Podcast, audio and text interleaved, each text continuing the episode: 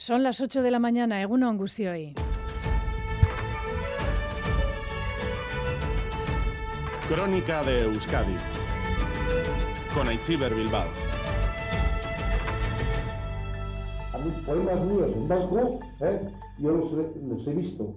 ¿eh? Así, eso lo he visto ¿eh? en familias, en caseríos, leídos. Es la voz de Gabriel Aresti, el escritor y poeta bilbaíno, uno de los referentes del siglo XX, Euskaldun no de cuna, que sufrió censura y persecución por su reivindicación de la lengua y que por ello será homenajeado este próximo martes por el gobierno español en un reconocimiento general a las personas represaliadas durante el franquismo por su defensa de las lenguas propias en España, el galego, el catalán y el euskera.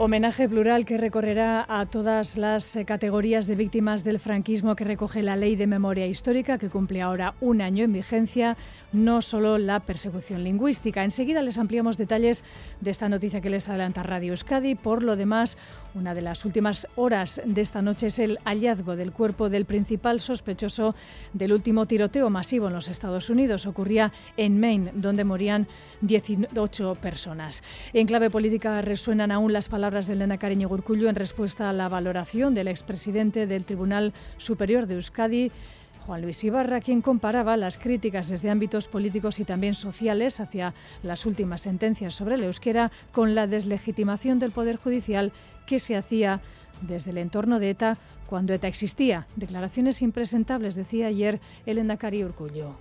Que se vincule el euskera con lo que ha sufrido este pueblo, vinculándolo además con lo que es la socialización del sufrimiento que ha tenido este pueblo, vinculando el euskera precisamente, la lengua de todos los vascos, seamos nacionalistas o no nacionalistas, la lengua de todos los vascos, me parece que es eh, ya un ejercicio en el que cada una y cada uno nos retratamos. Y apabullante cifra la que indirectamente hacía pública ayer el defensor del pueblo español sobre la pederastia en el seno de la Iglesia española. Las cifras de personas sexualmente abusadas rondaría los 400.000, lo que hace del Estado uno de los lugares donde esta lista es más amplia. Unos hechos que poco a poco salen a la luz y en los que la diócesis de Bilbao es pionera en materia de reconocimiento y perdón. En estos términos se dirigía a las víctimas el obispo Segura en un acto exprofeso de reconocimiento.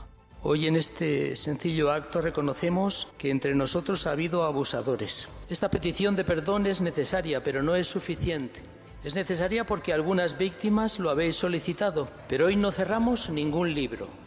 Actualidad deportiva en titulares, John Zubieta, Egunon. Hola, Egunon. Comenzamos hablando de fútbol, del partidazo de Eibar que se deshizo del Valladolid en Ipurúa con una goleada 5-1. Ahora mismo el Eibar está en segunda posición. Además, la Morevieta se mide a las dos al Eldense. En baloncesto, nueva derrota del Vasconia en la Euroliga. Cayó 95-81 ante el Panathinaikos. En la Liga Femenina, el IDK recibe al Gran Canaria y el Araski al Ensino. Y en la Liga Lep Oro, nuevo triunfo del GBC, 81-70 frente al Fuenlabrada. Y en pelota, hoy Bermeo acoge un encuentro apasionante del campeonato del 4 y medio entre Zcurde y Jaca, en el que gane pasará a semifinales. Asimismo, Unai Lasso ya empieza a entrenar meses después de su lesión de cadera y también hay que recordar que Ainguero de la Fuente venció en su debut haciendo pareja con Zabaleta. En balomano, el Vidasoa se impuso por 20-24 en Aitasuna y también le recuerdo que Carlota Ciganda está actuando a muy buen nivel en Rigal. La Navarra es tercera a cinco golpes de la líder. Gracias, John. El pronóstico del tiempo para hoy nos lo ofrece Jayone Munarris desde Euskalmet. Egunon, Jayone. Caixo Agunón, la jornada viene marcada por el viento del suroeste, un viento que será intenso, soplando con rachas muy fuertes, sobre todo en zonas expuestas, y se pueden superar eh, los 100 km por hora en zonas expuestas de Vizcaya y Álava, sobre todo en el oeste, pero en el resto también va a ser intenso. Y con este viento pues irán pasando nubes medias y altas, es poco probable que llueva. Y con este viento también se espera un ascenso de las temperaturas máximas que se van a quedar eh, por encima de los 20 grados en la vertiente cantábrica, rondando los 22 o 23 grados en la costa y en la vertiente mediterránea se quedarán ligeramente por debajo de los 20 grados. Por tanto, para hoy destacaremos el viento del suroeste que será intenso. Así es, lo habrán notado. Atención al viento. Estamos en aviso amarillo por viento que pueden, rachas que pueden alcanzar los 100 kilómetros por hora en zonas expuestas para todo el día de hoy y hasta las 9 de la mañana de mañana domingo. En Orduña, por ejemplo, se han registrado ya esta noche rachas de 98 kilómetros por hora, 89 en Capilduy y 82 en Tobillas. Reciban un saludo de las eh, y los compañeros de esta crónica de Euskadi fin de semana. En el control técnico coordinan Xavier López y Aitor Arrizabalaga. Las 8 y 5 minutos comenzamos.